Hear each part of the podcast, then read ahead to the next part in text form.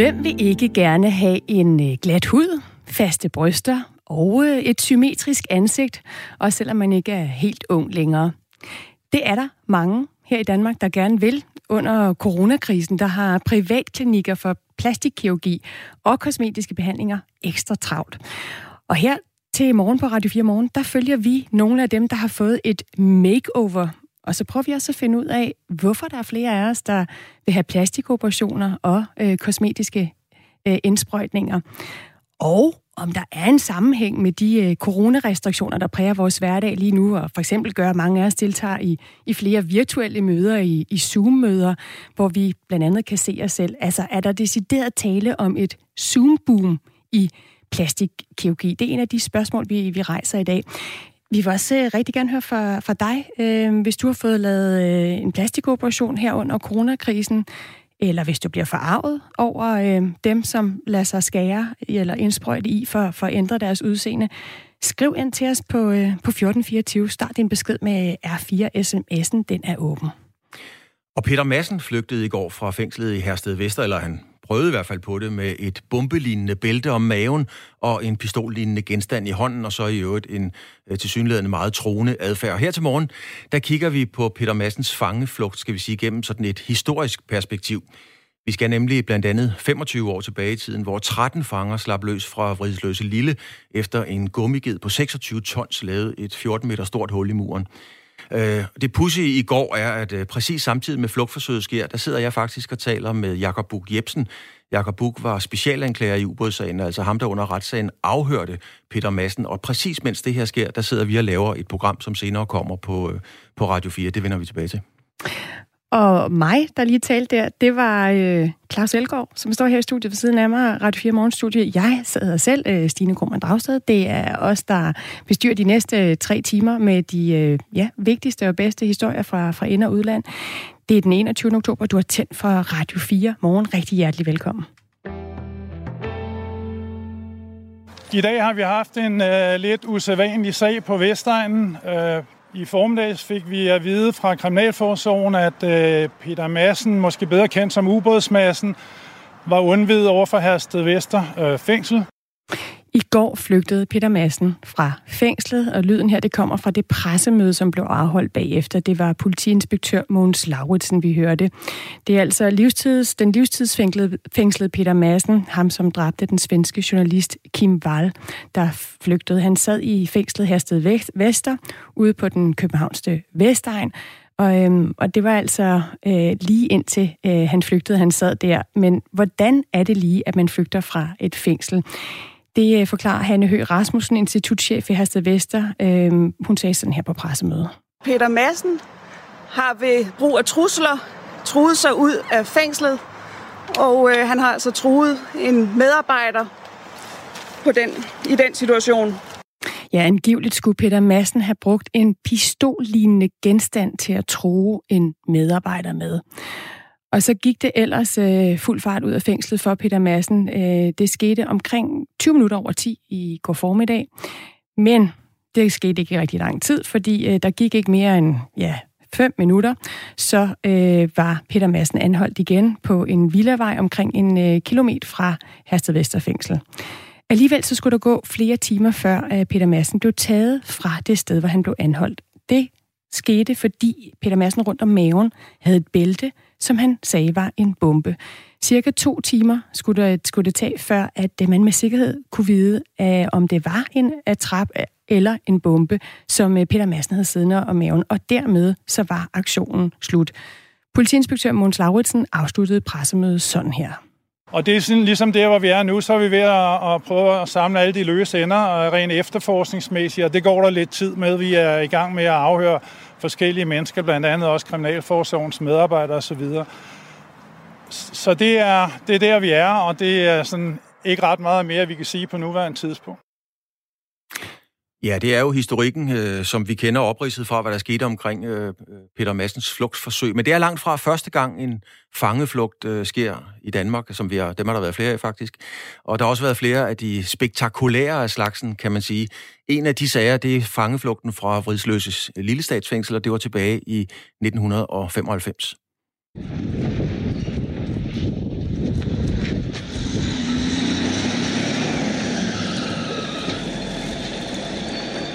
Og det vi hører her, det er lyden af en gummiged, som øh, rent faktisk laver et 14 meter bredt hul i en 6 meter høj mur. Øhm, og man kan så også senere høre 13 farlige fanger, som igennem det her store hul i muren øh, simpelthen løber ud i friheden. Willy Eliassen var dengang kriminalinspektør og fik afbrudt, kan man sige, søndagsfreden og kom på sagen. Godmorgen, Willy Eliassen. Øhm, hvis vi kigger på, øh, på sagen i går, hvad synes du om fængselsbetjentenes arbejde i forbindelse med Peter Massens flugtforsøg? Ja, altså ud fra det, jeg har hørt via, via fjernsynet, så synes jeg, de har, øh, de har simpelthen handlet øh, perfekt. Jeg synes, det er flot arbejde, de har lavet. Og lige nu er der jo så en undersøgelse i gang og en efterforskning osv. Øh, der er politi på sagen. Det er klart, man skal finde ud af, hvad pokker der er sket. Hvad er det for et, øh, for et arbejde, politiet står foran lige nu? Jamen, det er jo øh, simpelthen for at få afklaret, hvordan det, det hele er opstået, og, og hvad årsagen er øh, til det. Og det, det minder jo forbavsende meget om, om det, som jeg selv oplevede der for en 25 år siden. Ja, lad os lige spole tiden tilbage. Nu gav du selv bolden op, Eliassen. 95, 13 fanger flygter fra statsfængslet i Vridsløs Lille. Øh, du bliver kaldt på arbejdet. Hvad er det, der sker? Jamen altså, det var jo en almindelig øh, sløv øh, søndag eftermiddag, øh, hvor altid øh, alting åndede i, øh, i dyl og fred og øh, med godt vejr, og jeg var i gang med at afvise den sidste øh, feriedag. Øh, da vagthaverne ringede til mig, sådan, øh, jeg husker det omkring ved, ved femtiden eller deromkring, og så var det jo altså bare afsted. Ferien, ferien var i hvert fald slut, og så var det bare om at komme afsted. Og jeg valgte så at køre direkte ned til, til, til, Vest, øh, til, til øh, Frisløse øh, fængsel, øh, hvor, der jo, øh, hvor jeg kunne jagtage en, en god portion kaos. Hvordan var, hvad var scenariet? Var det panik? Var det øh, hvad, hvad var der? Nej, øh, man kan, sige, man kan ikke sige, at der var panik, men, men øh, det hele, øh, det, det var jo en form for kaos, fordi øh, øh, det hele var, efterforskningen var jo ikke kommet i gang, og vi vidste jo ikke, hvad det var, øh, vi stod overfor. Min, øh, min politimester var ankommet lidt før mig, og øh, det vi kunne jo gøre, det var jo sådan set øh, øh kun at, at se at, på, at, at teknikerne kom i gang med at, at skulle undersøge det hele, og det hele var, øh, var afspærret. Vagthaverne havde med de få styrker, han havde til rådighed, der havde han gjort, hvad han kunne. Øh, så øh, politimester og jeg, øh, vi øh, stod og jagtog det, og, og kunne konstatere, at det var forbavsende lidt, vi kunne gøre øh, lige her nu. Altså, jeg tænker på... Det var jo sådan, at det var jo et gerningssted, og alle gerningssteder skal undersøges, og det skal man jo også her i, i dag.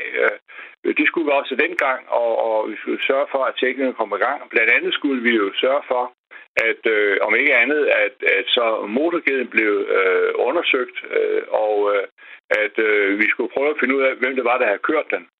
Ja, altså noget jeg tænker på, det er, at man kommer derud, det er søndag, og, og lige pludselig så står du og kigger ind i et 14 meter bredt hul og en, og en gummiged på 26 tons. Altså hvad er lige den første tanke, man tænker, da man lige får det lige i krydderen? Jamen, der farer jo tusind tanker igennem hovedet på en, og det, som man som politimand øh, øh, først og fremmest tænker på, hvad, hvad er det egentlig, der er sket?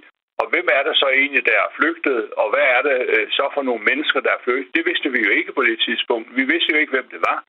Vi kendte jo heller ikke farligheden af den, øh, øh, og, og, og det blev i hvert fald ikke bedre, da vi fandt ud af, hvor, hvor farlige de mennesker var. Fordi der var jo flere drabsmænd, og der var jo også nogle narkohandlere, og, og det gjorde i hvert fald ikke stemningen bedre. Og, og det, jeg skal da ikke øh, øh, undlade at sige, at vi, vi, blev, vi var faktisk noget nervøse over situationen. Faktisk så sker der jo det øh, på det tidspunkt, at øh, TV-avisen sender, laver en ekstra udsendelse om aftenen, øh, hvor de ni resterende fanger, altså der var ni fanger tilbage, som, øh, som bliver efterlyst. Vi skal lige høre et, øh, et klip fra, fra 95, og det er jo et øh, Sten Bostrup, som, som er nyhedsvært den aften. Og vi ja. har for få minutter siden fra politiet modtaget fotografier af de ni fanger, som stadig eftersøges. Her er listen. Mik Møller, dansk, 22 år, dømt for manddrab, fængsel i 14 Man kan sige, at I beder altså hele Danmark øh, om hjælp. Hvorfor går I ud så hurtigt og beder hele Danmark om hjælp? Jamen, det var det, som øh, vi besluttede, øh, politimesteren og jeg, at, at, øh, at vi, øh, vi kunne ikke gøre noget på gerningsstedet. Så øh, vi måtte øh, simpelthen øh, gøre det, at vi gik op på stationen for at lægge en strategi for, hvad hvad det var, vi skulle gøre. Og det, øh, den strategi, vi anlagde, det var, at vi skulle se at få øh, Danmark, øh, få Danmarks øjne på situationen. Det er den eneste chance, vi havde for at få de der mennesker inddæmmet. Ganske vist var det lykkedes øh, patruljerne, patruljerne at få anholdt tre øh, ganske kort tid efter. Det var så heldigt, at øh, der var en fodboldskamp, øh, fodboldskamp i, ved at være afviklet på Brøndby Stadion, og der var øh, rigtig mange politifolk derude.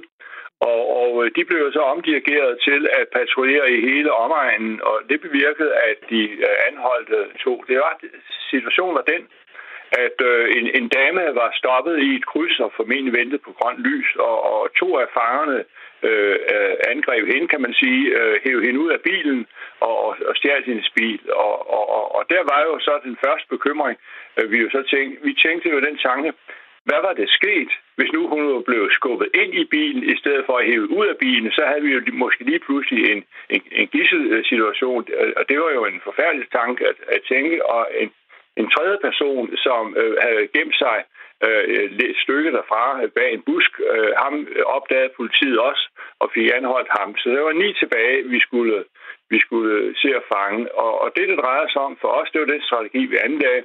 Det var at få offentligheden i gang. Det er jo den eneste chance, vi har, det er at få offentligheden i gang og få Danmarks øjne til at kigge for os.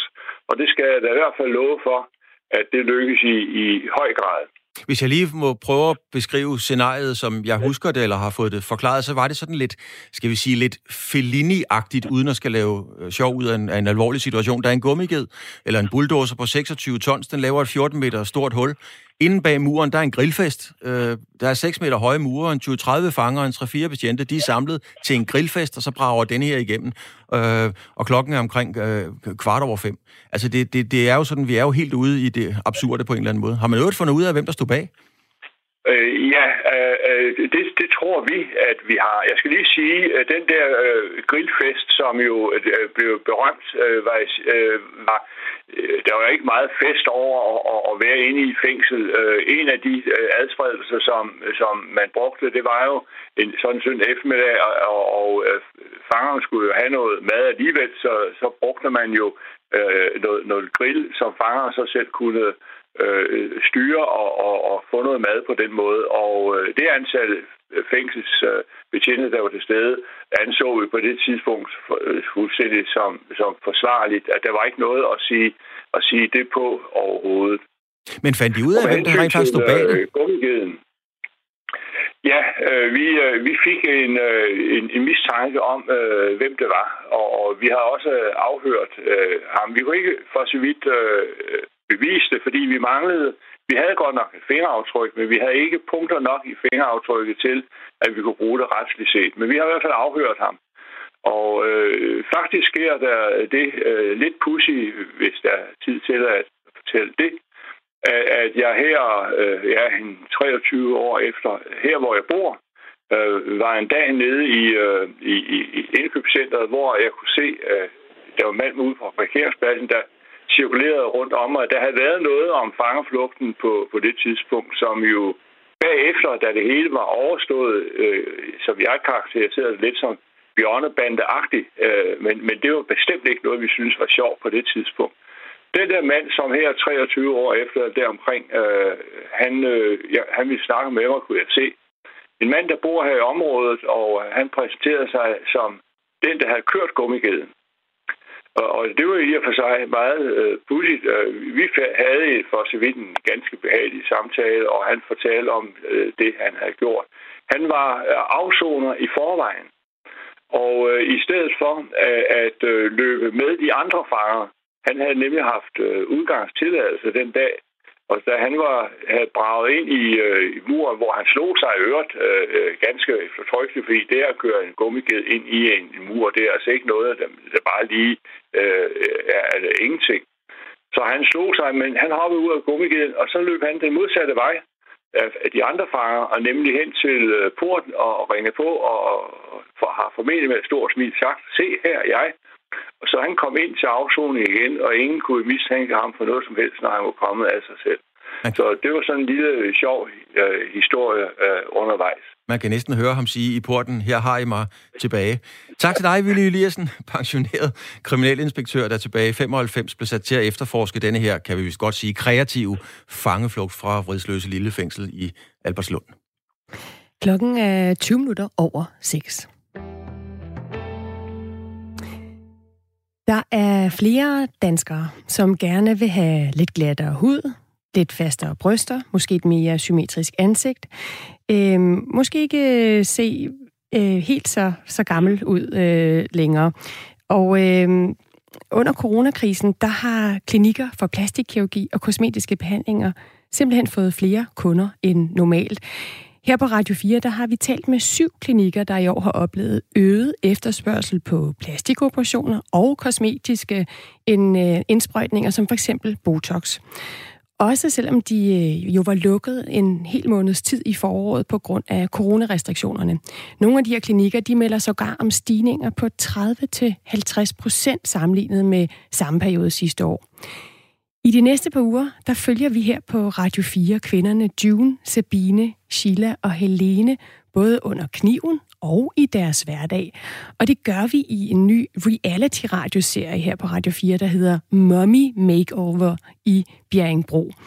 Så øh, her til morgen, der skal vi indenfor på klinikken øh, Luksuskirurgi i Bjerringbro og høre om øh, de her kvinders behandlinger og om deres drømme om, at plastikkirurgi og Botox måske kan gøre livet lidt lettere. Oh.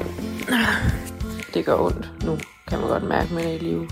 Det er som en hemmelig klub omkring et tabu. Et fællesskab, der deler hinandens blodunderløbende mærker, blå øjne og smerter ved at stå og sidde. Jeg ligner også virkelig en, der har gået øh, 12 runder med Tyson, eller bare fået en skallen af ham. Man kunne tro, der var få, men der bliver stadig flere danske kvinder og mænd, som bliver beskåret, strammet op og fyldt ud, for at få en krop uden mærker af alderdom, slid, sorger og bekymringer. Og jeg er ikke parat endnu til at skal ældes. Her er Mommy Makeover i Bjerringbro. Jeg har et, et super godt forhold til min, til min krop. Jeg har fået lavet en, øh, en del operationer. Altså, jeg fik lavet min første brystimplantater, fordi at jeg jo øh, som 19-årig fik min første datter, og som 21-årig fik min datter nummer to med min eksmand. Men mine bryster havde mistet deres fylde efter to amninger, og jeg synes ikke, jeg som 21-årig var klar til ikke at skulle have bryster længere. Jeg havde egentlig et, et pænt fyldeligt bryst fra naturens side. Så derfor fik jeg lagt et implantat ind, efter jeg havde fået barn nummer to.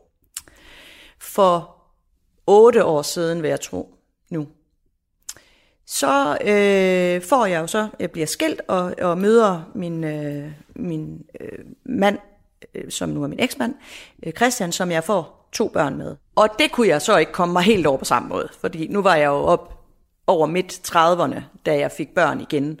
Øh, så, og de her implantater var jo efterhånden blevet 17 år gamle, og det var klart en, øh, en kæmpe forandring for mig at, øh, at få min krop tilbage, om man vil, og lige pludselig øh, kan gå i det tøj, jeg har lyst til. Øhm, man, man ser ofte lidt, lidt gravid ud fra siden, når man har det, der hedder rectus diastase, hvor ens mavemuskler er splittet på grund af graviditet. De ting bliver jo kommet på plads, når man får lavet den her operation, hvor man også får sygt mavemusklerne sammen.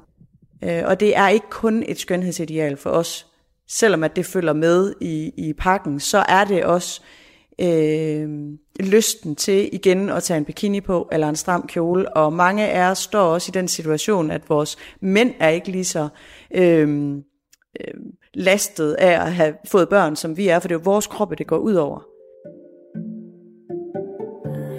En af de faste kunder på klinikken i Bjerringbro er den 29-årige model og kosmetolog Sheila Nielsen – en slank, nærmest alfagtig kvinde med store blå øjne, kunstige øjenvipper, glimmerjakke og sorte laksko. Det kan være svært at se, at Sheila er midt i en voldsom omvæltning i sit liv. I dag flytter hun de sidste ting fra sit nu tidligere hjem i Ikast til en lejlighed i Vejle. Sheila er lige blevet skilt. Jamen, jeg har fået lavet øh, læber. Ikke ret meget bare en lille smule. Og så har jeg fået lidt i min hage, fordi min hage den var, den, den flugtede ligesom ikke, hvis man måler ansigtet øh, korrekt øh, op. Det er lækkert, jeg elsker det virkelig. Altså, jeg, det er så godt, jeg har gjort det for mig selv. Det har givet mig rigtig meget selvtillid. Især når man tænker på, at jeg klippede mit, øh, at jeg skulle have pandehår, øh, fordi at jeg var træt af det. Altså, jeg stod en morgen og kiggede på mig selv ude i spejlet, og så tænkte jeg,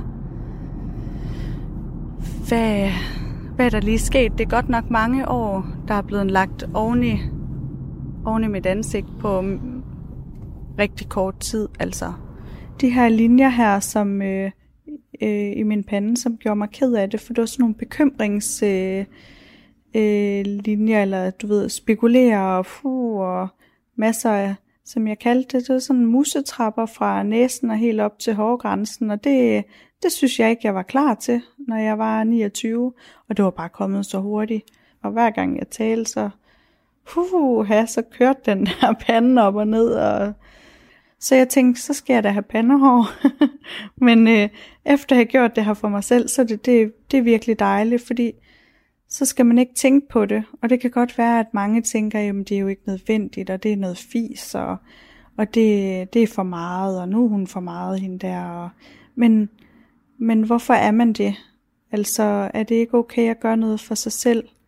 Øh, så længe man er et, et godt og et, et rart menneske, så, øh, og man ikke gør andre ondt, så synes jeg, at det er okay, at man, man gør noget for sig selv, som, som man, man selv bliver lykkelig af.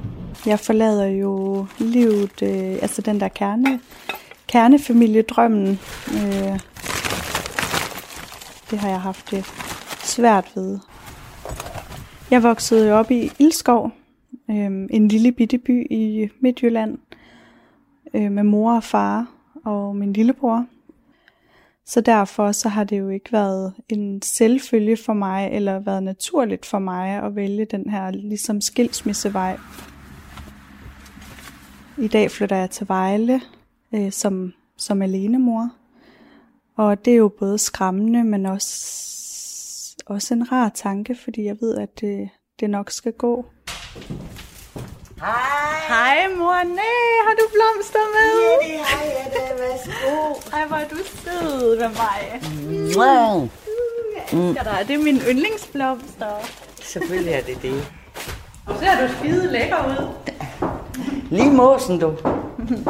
Men ved du hvad? En ny tid starter. Det gør den. Skål på det. Skål.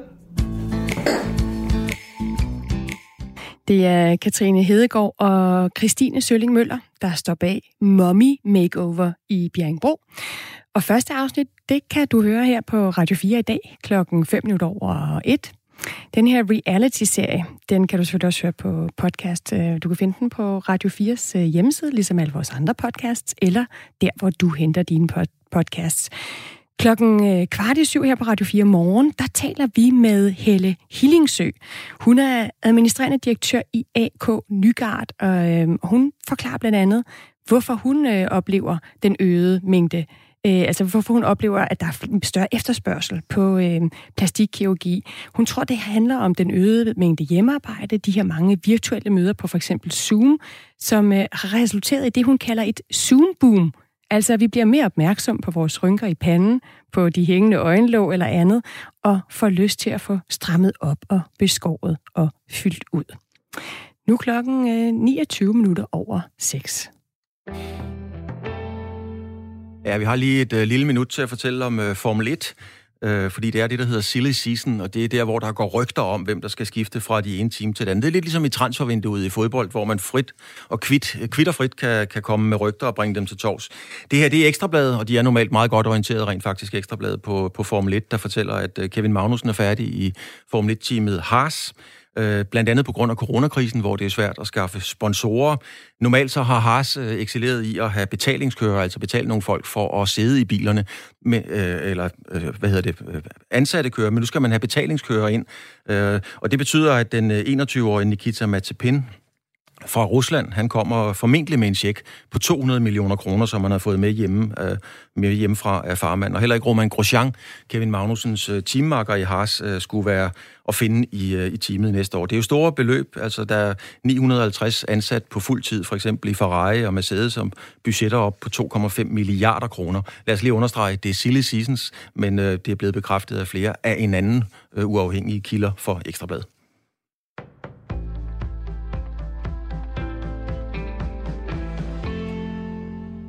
Finansminister Nikolaj Vammen nedsætter nu en kommission, der skal få flere personer i beskæftigelse uden brug af hverken gullerod eller pisk og ekstra penge som lokkemiddel. Det skriver Jyllandsposten. Ifølge regeringen er muligheden for at få flere i job med klassiske reformer, der øger den økonomiske tilskyndelse ved at arbejde, nemlig udtømt. Den type reformer kalder finansministeren for første generationsreformer. Første generationsreformer har for en stor del leveret det, de kan. Nu vil vi investere i at få mennesker bragt ind i en ny livssituation, der giver værdi for dem selv og for samfundet, siger Nikolaj Vammen til avisen. Den borgerlige tænketank Cepos betragter det så dog som ønsketænkning at få folk i arbejde uden brug af økonomiske incitamenter. Lønmodtagere, som har oplevet at blive udsat for sexchikane på jobbet fra deres kollegaer eller ledere, har 5,3 gange højere risiko for at blive ramt af depressive lidelser. Det viser et dansk studie, som er udgivet i tidsskriftet Journal of Affective Disorders, skriver Information.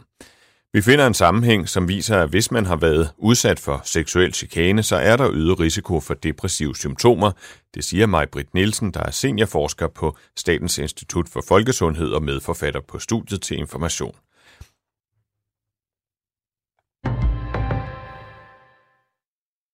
Ifølge Amnesty International er flere døde efter, at politi har skudt mod demonstranter i Nigeria i aftes, det skriver nyhedsbureauet DPA. Et øjenvidne siger til britiske BBC, at han har talt op mod 20 lige og 50 sårede. Skyderierne fandt sted i delstaten Lagos, der, øh, hvor der bor mindst 17 millioner mennesker. Området blev i går sat under et udgangsforbund, forbud, der gælder hele døgnet.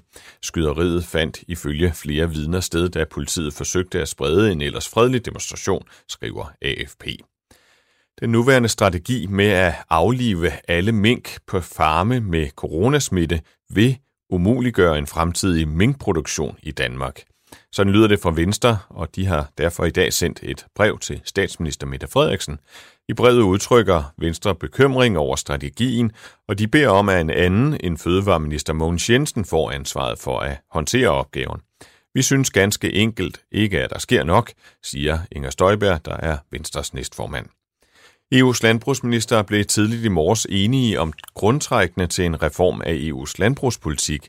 Det er blandt andet lykkedes at få en grøn øremærkning og en dansk mærkesag om at give mulighed for mere natur på markerne med i aftalen. Trods stor skepsis fra en række central- og østeuropæiske lande, så lykkedes det at nå et kompromis om, at medlemslandene skal øremærke 20 procent af landbrugsstøtten til grønne formål. I dag overskyet og først stedvis lidt regn, men efterhånden kommer der udbredt regn sydfra, 12-15 grader og svag til jævn sydlig vind, der tiltager og bliver jævnt så hård. Og det var nyhederne med Anders Weber. Nu skal vi tilbage til Radio 4 morgen.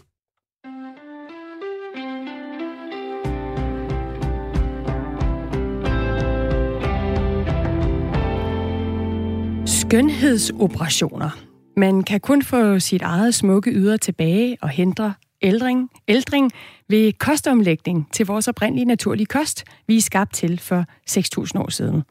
Sådan skriver Helle ind til os øh, på sms'en, som er åben. Man kan skrive ind til os på 1424, start sin besked med, med R4. Altså, jeg kunne godt uh, tænke mig at høre fra dig, fordi den her morgen, uh, der taler vi en masse om Øh, plastikkirurgi og kosmetiske behandlinger. Helle kalder det skønhedsoperationer. Det kan man jo også kalde det, hvis man synes, man bliver mere skøn af det. Og det gør vi, fordi der simpelthen er flere danskere øh, end normalt, der øh, her under coronakrisen øh, kommer en tur under kniven eller sprøjten. Og øh, vi, vi vender tilbage til, øh, til nogle af de klinikker, vi har talt med, øh, for at prøve at finde ud af, hvad det er, der rører sig. Men vi vil også meget gerne høre fra dig, hvis du for eksempel øh, har fået foretaget nogle ændringer øh, til, på dit udseende. øh, også gerne her under coronakrisen, hvorfor, hvorfor lige nu? Eller hvis du har en holdning til, øh, til det her med, hvorfor vi får foretaget skønhedsoperationer. Skriv ind til os på 1424. Start din besked med, med R4. Og vi, det er her i studiet her til morgen, Claus Elgaard og mig, Stine Krohmann Dragsted. Velkommen til. Politikerne på Christiansborg er meget opsatte på, kan man vist roligt sige, at tale om, hvor mange elbiler vi skal have på vejene, og det øh, er gerne noget, der skal ske hurtigst muligt. En ting er så i øvrigt, hvad man taler om på Christiansborg. En helt anden ting er, hvordan det ser ud i virkeligheden, når der skal købes eller leases biler i det offentlige. Nu kan jeg sige godmorgen til dig, Henrik Fransen. Du er borgmester i Tønder, og så er du i øvrigt løsgænger.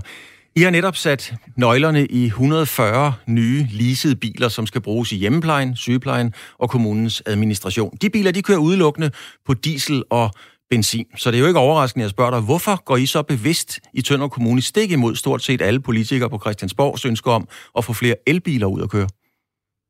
Ja, godmorgen. Altså, det er jo en, en afvejning, vi har foretaget os her. Det er jo biler, vi bruger i hjemmeplejen og, og forskellige andre steder i kommunen. Og for os, der var det sådan en samlet vurdering af, af sikkerhed for, at de også kunne køre om natten i, i regnvejr om vinteren og så videre, med lyset tændt og radioen tændt varme på og så videre. Og så det, at vi jo selvfølgelig også gerne vil være så grønne som overhovedet muligt, men vi var ikke trygge ved, jeg vil gerne sige, at vi var ikke trygge ved at investere i elbiler endnu på det tidspunkt. Der er selvfølgelig også et økonomisk aspekt i det. Det ville have kostet en, en små 3 millioner ekstra over de fire år at gøre det. Men, men det, der virkelig øh, battede i vores øh, regnestykke, det var, at vi tænkte, det her det var nok lige en postgang for tidligt. Det er sådan, vi, vi køber biler for fire Altså, de, de, vi leaser dem for fire år ad gangen. Og vi tænkte, øh, om fire år, der er vi nok længere fremme i teknologien. Der kan det være, at vi tager springet. Så jeg spørger på borgmesteren, altså 3 millioner sparet på fire år, det er vigtigere i Tønder Kommune end at passe på klimaet? Det var en af de faktorer, der indgik i vores overvejelser. Øh, og det var nok ikke den største faktor, tænker jeg. Dem, dem havde vi som nok fundet. Men også sikkerheden for, at vores hjemmehjælpere om natten, når de kører rundt og, og, og er på vagt, kan komme ud til de ældre, hvis de er utrygge osv. Der vil vi simpelthen ikke risikere med, den, øh, med det stade, teknologien er på nu, at de øh, jo, øh, måske løber tør for strøm sådan efter en lang vagt. Vi har Danmarks femte største kommune, Tønder Kommune. Vi har nogle meget store afstande. De kører faktisk rigtig mange kilometer hver nat. Så vi var ikke helt trygge ved, ved det endnu. Men det betyder jo ikke, at vi ikke næste gang måske vælger elbiler. Men, men nu undrer jeg mig bare lige lidt, øh, Fransen, når du, når du siger det der med afstanden, fordi der ligger et notat i Tønder Kommune, som fortæller, at I kan få biler, der kan køre 395 km på en opladning. Men det fremgår også af notatet, at der maksimalt køres 250 km på en vagt i hjemmepleje og sygeplejen. Øh, når jeg lægger de tal sammen, så kan jeg slet ikke få det til at passe med, at de ikke kan køre langt nok. Nej, men det er en, en utryghed ved, ved teknologien, det er bare nødt til at sige. Det er jo politikere, der har truffet det her valg øh, om, at øh, vi øh, for en sikkerheds skyld valgte at gøre det her igen i fire år. Og øh, politikere, de er jo de påvirker påvirket af rigtig mange hensyn, blandt andet hensyn til, at øh, vi, vi vægter faktisk driftssikkerhed rigtig, rigtig højt i Tønder Kommune, når det gælder hjemmepleje. Vi er meget øh, bekymret, eller meget optaget af, at vores borgere også om natten får den, den samme øh, service. Og der var det en af de parametre, der indgik det, sammen med økonomi, Øh, også sammen med, at det var faktisk øh, en, en temmelig stor opgave at få etableret ladestander og så videre. Der skal noget infrastruktur med omkring strøm der. Altså Tønder Kommune, det må man jo forstå, er jo en af de tyndest befolkede kommuner i Danmark overhovedet. Og der har jeg det i hvert fald sådan, jeg tænker måske ikke, det er lige der, man skal starte med at, at, at tage det her spring. Der findes jo kommuner, hvor folk bor meget tæt, og hvor det overhovedet ikke vil være noget problem at, at bruge elbiler. Og der tænker jeg måske, at det er de kommuner, der skal starte først. Jamen, øh, starte først. Altså, du er simpelthen nødt til at forklare mig igen argumentet for, at du ikke tror på teknologien. Altså, jeg har aldrig hørt om, og det er muligvis min manglende, eller min uvidenhed, at elbiler ikke kan køre om natten, er risikoen for det. Øh, og afstanden, altså de kan køre 395 km på, på en opladning, og I skriver selv i jeres notat, at I kun behøver at køre 250 max på en vagt. Øh, så så jeg, det, det må du simpelthen uddybe for mig, hvordan det hænger sammen, hvordan det argument er validt.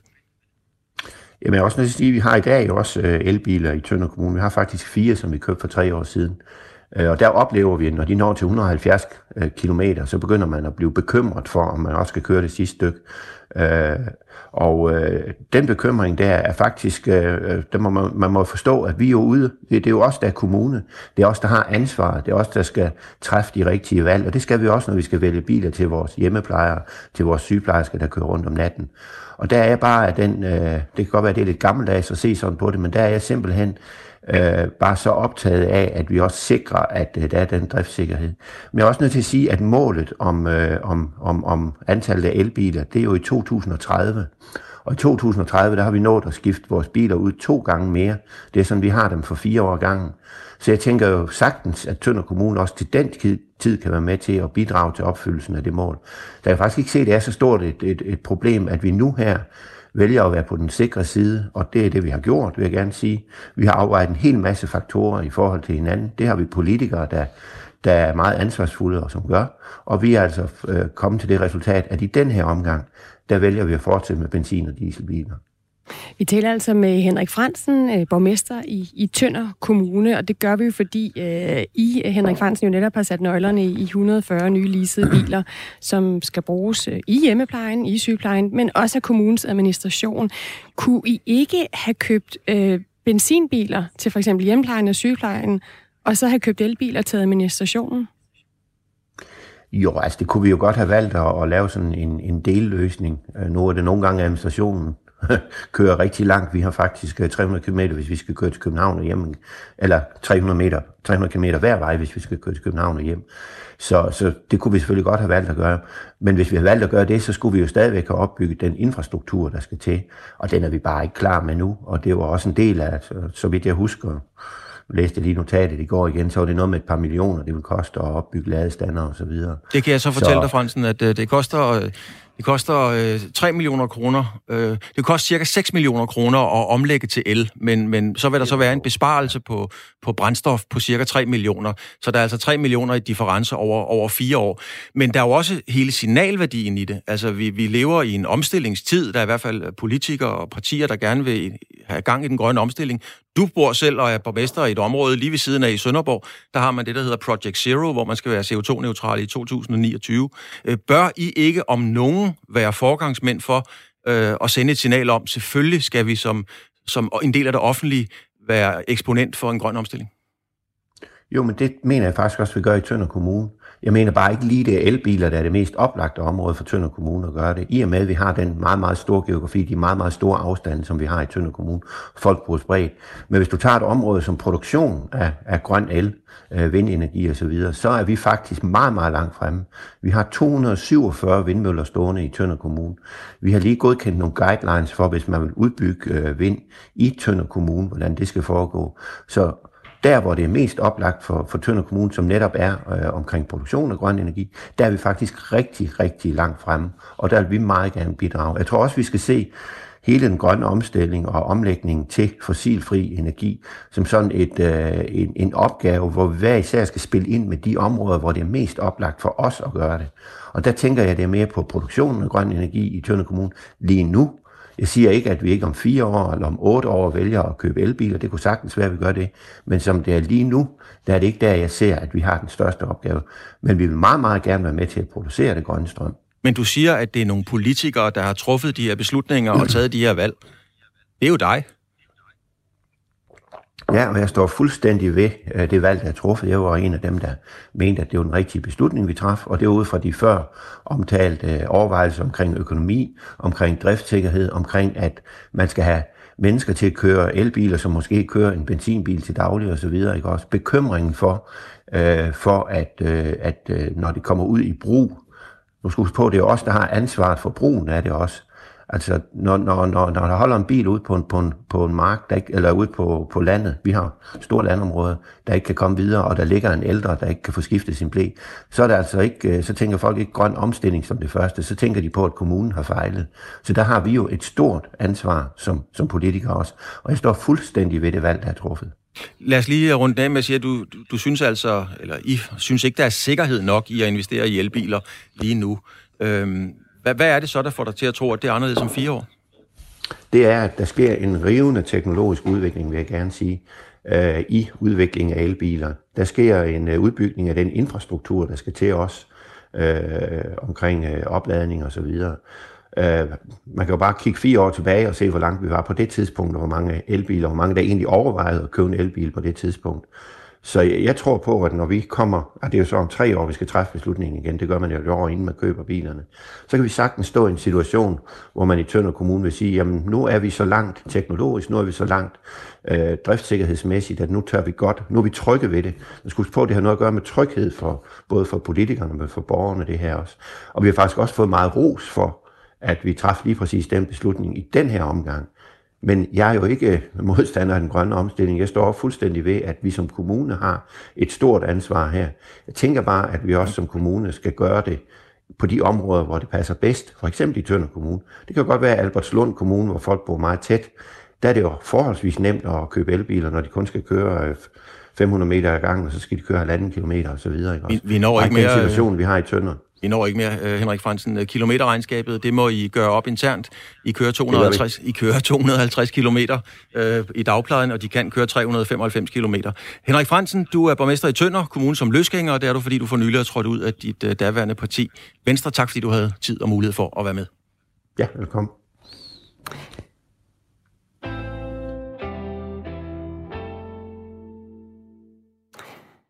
Under coronakrisen, der har klinikker for plastikkirurgi og kosmetiske behandlinger fået flere kunder end normalt. Det fortæller syv klinikker, som vi har talt med her på Radio 4 morgen. Og øh, nu skal jeg lige undskyld se, hvor jeg har der. Øh, godmorgen, øh, Helling Hilling, Hillingsø. Godmorgen. Administrerende direktør på privatklinikken AK Nygard. Altså en af de klinikker, der har fået flere kunder i butikken under, under coronaen. Hvorfor, øh, Helle Hillingsø, har I oplevet større efterspørgsel under coronakrisen? Jamen altså, vores tese omkring det er jo, at, øh, at mange har jo siddet hjemme og, og holdt Zoom-møder og Teams-møder, og dermed er blevet lidt mere opmærksom på, hvordan at de ser ud. Så jeg tror, at det er derfor, vi har oplevet øh, en stigende tendens til, at, at det er blevet mere... Øh, man sige, de bliver mere opmærksomme på, hvordan man, øh, man ser ud. Og så er der jo også øh, tiden. Vi har sådan fået mere tid. Så jeg tror også, det har en stor faktor. Så det, at vi for eksempel til de her virtuelle møder i højere grad sidder og ser på os selv, det gør så, at vi øh, har opdaget, øh, hvordan vi ser ud, men også er mindre tilfredse med vores udseende, eller er overrasket over, at vi ikke helt, så helt så godt ud, som, som vi troede, øh, vi gjorde, tror du? Ja, du kan jo kun udtale for mig selv, men altså, det er i hvert fald det, som man bliver bekendt med, når man pludselig ser øh, sit eget spejlbillede hele tiden. Det gør vi jo ellers ikke normalt. Øh, så så det, både det, altså, at man sidder og kigger på sig selv ret meget mere, end man plejer, øh, det tænker jeg giver et stof til eftertanke, om man vil se bedre ud. Ja, det vil vi jo alle sammen gerne, tænker jeg. Så det, det er jo det er jo nærliggende at, at, at gribe fat i, i de i de ting, vi kan. Jeg tror også, der er mange, der er begyndt at motionere mere. Og, altså, så vi sådan hele tiden blevet mere opmærksomme på os selv, fordi vi har haft mere tid til det, og fordi vi ser på os selv hele tiden.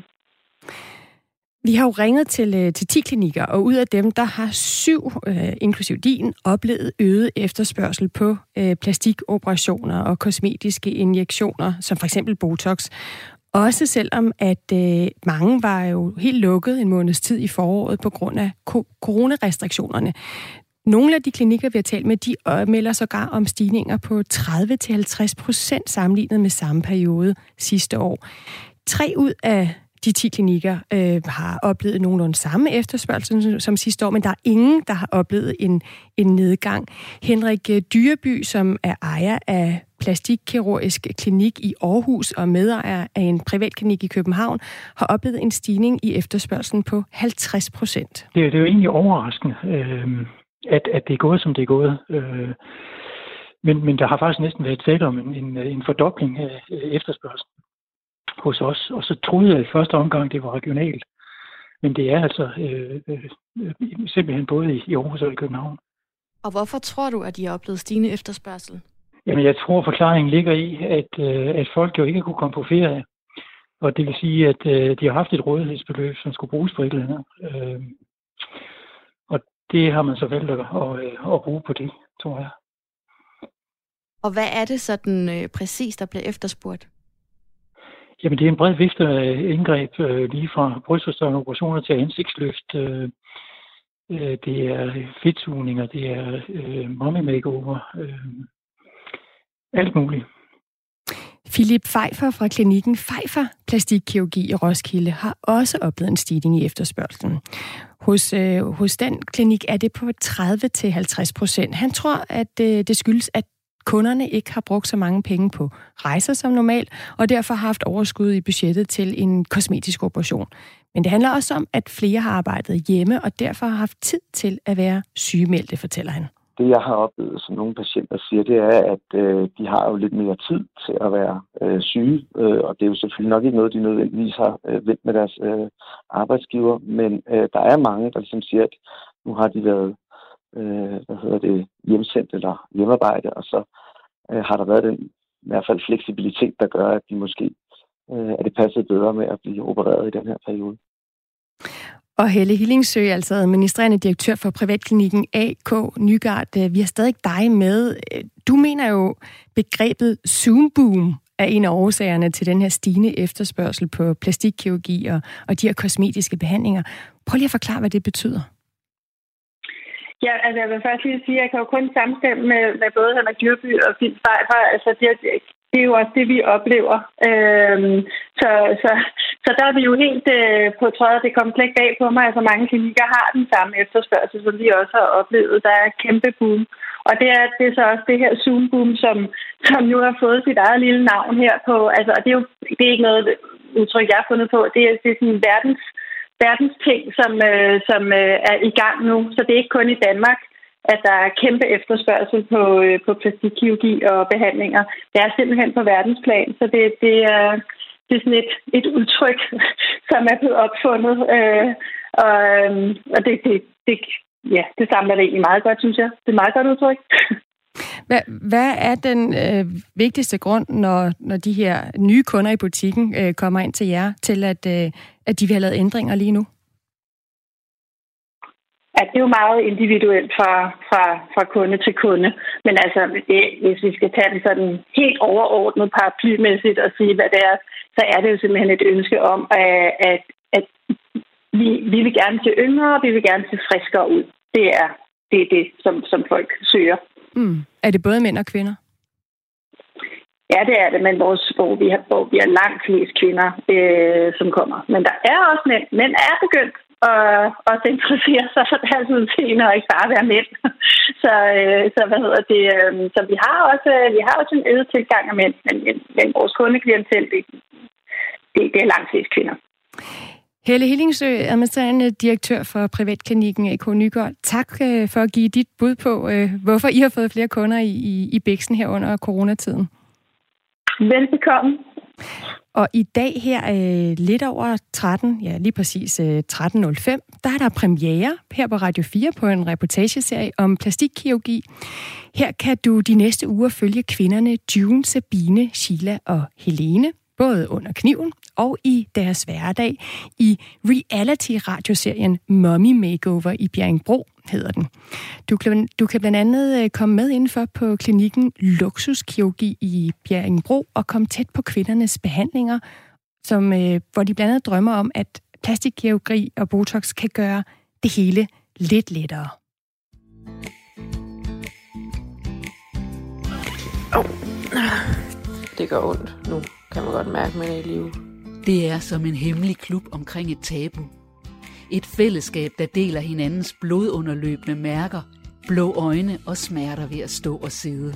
Jeg ligner også virkelig en, der har gået øh, 12 runder med Tyson, eller bare fået en skallen af ham. Man kunne tro, der var få, men der bliver stadig flere danske kvinder og mænd, som bliver beskåret, strammet op og fyldt ud, for at få en krop uden mærker af alderdom, slid, sorger og bekymringer. Og jeg er ikke parat endnu til at skal ældes. Her er Mommy Makeover i Bjerringbro. Claus, øh, det er jo måske nærliggende at spørge, om, øh, om du har overvejet at få, altså, få en eller anden ændring, enten under kniven eller under sprøjten? Altså i de her tider, hvis jeg havde sagt til en kvinde, trænger du ikke til en makeover, så var jeg jo blevet løntid på torvet. Øh, jeg har faktisk skrevet en artikel om det. Jeg har prøvet at få øh, Botox og Restylane, og jeg skal komme efter dig, simpelthen for at prøve det øh, for at se, hvordan, øh, hvordan var det? Hvordan var oplevelsen? Øh, hvad var outcome og ting og sager? Så jeg fik the full treatment, kan jeg godt hilse dig at sige. Hvordan var det? Det var øh, meget grænseoverskridende. Altså, det eneste, jeg sagde til dem, I ikke rører ved, det er mine læber. De ville gerne stikke noget af mine læber også. Det fik de så også simpelthen ikke lov til. Øhm, det, var, det var meget... Øh, det var meget... Øh, det var, det var grænseoverskridende. Altså, altså jeg, du fik Botox ind i panden? Jeg tror, jeg fik Botox ind alle de steder, hvor man kunne sprøjte Botox ind okay. i virkeligheden. Og jeg turde okay. godt gøre det, fordi at, øh, at det gik jo væk igen. Det er, det er, det er nogle år siden. Men, men prøv lige at forklare, altså, prøv lige at forklare, hvordan det foregår, fordi jeg har faktisk ikke prøvet det. Det kan altså, jo være, at jeg skulle gøre det på et tidspunkt. Men man øh, ligger ned, og i det her tilfælde, der kom den rare dame, øh, og, og sprittede mig i hovedet, og, ja. og så stak hun ellers nåle ind, skal jeg hilse at sige. I, øh, altså, det var virkelig som at være til akupunktur. Ja. Jeg følte mig sådan lidt fakiragtigt, da jeg lå der og blev... Og, og så... Øh, ja, Godt, så, man bliver ikke bedøvet, altså? Man nej, man bliver ikke bedøvet. Nej, nej, mm-hmm. det, gør, det gør ikke ondt. Nej, altså, altså kan du mærke, at der så sådan kommer noget ind under ja, huden? Ja, det kan man godt. Altså, ja. når, de, når de rammer nogle specielle nerver, mm. eller, eller muskler, eller hvad søren det er, de rammer derinde, så, så kan man godt lige mærke, at det, at det giver de af. Kan du så også sådan mærke, at huden bliver langsomt glattet ud? Ja, det kunne jeg så øh, mærke dagen efter og dagen efter. Og okay. så efter et par uger, der må jeg indrømme, der kunne jeg både mærke det, og jeg kunne i den grad også se det. Altså, jeg har det sådan med det, Stine, at, at, øh, at kvinder, der får lavet bryster, og mænd, der får lavet øh, hak i hagen, eller hvad pokker man får lavet. Jeg synes, det er fint, hvis man for et eller andet beløb kan få noget mere livskvalitet. Man kan stå op om morgenen, kigge sig i spejlet og være glad. For 25.000 kroner, eller for 4.000 kroner, eller hvad man nu får lavet, det er der nogle penge, der er givet fantastisk ud. Du er ikke farvet. Og på ingen måde overhovedet. Jeg kunne aldrig nogensinde blive farvet over det. Jeg kan se, at der er flere af mine tidligere kolleger fra tv-branchen, de har, de har der også været turen igennem. Mm. Og det er jo ikke et tabu mere. Altså, der var en gang, øh, hvor man ikke talte om sådan noget i træningscentre i dag. Der sidder piger jo og taler om, de skal have lavet bryster, eller får, har fået lavet bryster, og så, og så videre. Ikke? Der, hvor jeg øh, bliver farvet, eller hvor jeg bliver hvor jeg lige rynker brynene. Det kan man så ikke, hvis man har fået Botox. Nej, det er jo men, det. men det er jo, når, når vi snakker om unge piger. Ja som vil have lavet noget, øh, og det er jo ofte i en alder, hvor, hvor de slet ikke er gamle nok til det. Det er, jeg har ikke sådan, skal man sige... Hvad klinisk... mener du med ikke gamle nok til det? Jamen altså, hvis man ikke er helt udvokset, og hvis man mm. ikke er helt der, og man lige er blevet, og så videre, mm. altså, så, så skal der være, i min optik, nogle, øh, nogle, øh, nogle filtre, man skal igennem, før man får lavet noget. Og det er jeg helt sikker på, at der er rigtig mange, der er dygtige til, men i min artikel skrev jeg også om, at der er også nogen, der måske ikke helt, øh, skal vi sige... Øh, spørger dybt ind til, hvorfor man nu gerne vil have lavet det, man gerne vil have lavet. Altså, jeg, jeg bed lige mærke i, øh, i, i det, den reportage, vi lige hørte fra, fra nogle af de kvinder, der jo så har valgt at komme under kniven, at, at det jo også for dem handler om, at de, de tror, det vil gøre livet lidt lettere for dem. Og, og, og nogle af dem, jeg kender, der, der har prøvet det her, det er jo også noget med, med selvtillid. Og det, mm. det er jo så den, jeg egentlig godt kunne tænke mig at også høre fra folk, der har erfaring med det. Altså, får man så mere selvtillid af øh, at have det udseende, man gerne vil have? Altså, der er ingen tvivl om, at man får mere selvtillid af at stå op om morgenen, se sig i spejlet og synes, man ser godt ud. Mm. Selvfølgelig får man mere selvtillid af det. Øh, og og jeg, jeg synes egentlig bare, altså, nu kommer jeg fra sportens verden, øh, hvor der er masser af doping, så, så jeg synes egentlig, det her, det er sådan en slags kosmetisk doping, altså øh, hvor man springer køen lidt over og, og, og føler med sig selv, nu har man fået et ekstra skud, sådan så man kommer nemmere og sjovere øh, igennem dagen. Og vi har set det, altså kropskultur, øh, er jo blevet adopteret af, af den vestlige verden. Punkerne for eksempel i 70'erne og, mm. og 80'erne, mm. som, som piercede sig selv. Det, det kommer jo fra naturfolket, kan man sige. Ikke? Ja. Øh, Flower man kan, altså, hele historien igennem har der været alt Altid. muligt. Men kvinder har snøret deres talje ind. Øh, det har selv ikke været særlig sundt. Øh, øh, der er steder, hvor man prøver at gøre sin hals længere. Jeg har boet i et land, hvor, hvor altså, den her, jeg er sådan rimelig tynd, helt naturligt, og det var bestemt ikke noget, der blev set som særlig attraktivt.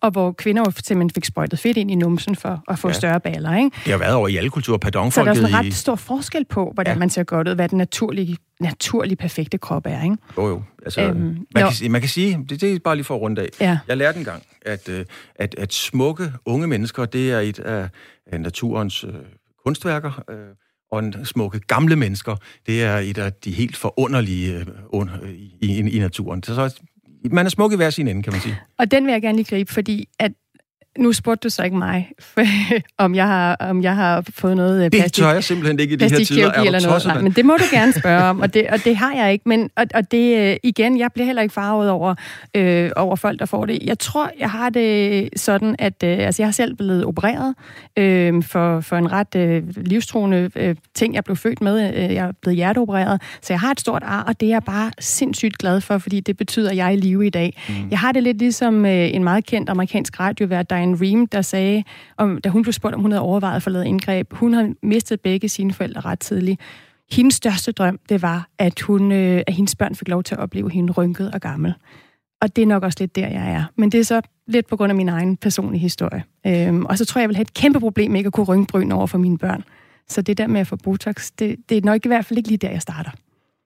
Nej, altså det, man skal jo heldigvis ikke starte noget sted. Øh, men hvis man har lyst til at starte, som jeg startede med at sige, så, så personligt, jeg, jeg kan ikke blive forarvet over det på noget niveau overhovedet. Skriv ind til os med, hvordan du har det med, med skønhedsoperationer, kan vi kalde dem, plastikkirurgi. Øhm, har du fået lavet noget? Overvejer du, du det? Hvorfor tror du, at der er en stigning i øjeblikket her under coronakrisen? SMS'en er åben 1424. Start din besked med øh, R4. Vi, øh, vi samler lige op øh, efter nyhederne med Anders Weber, som kommer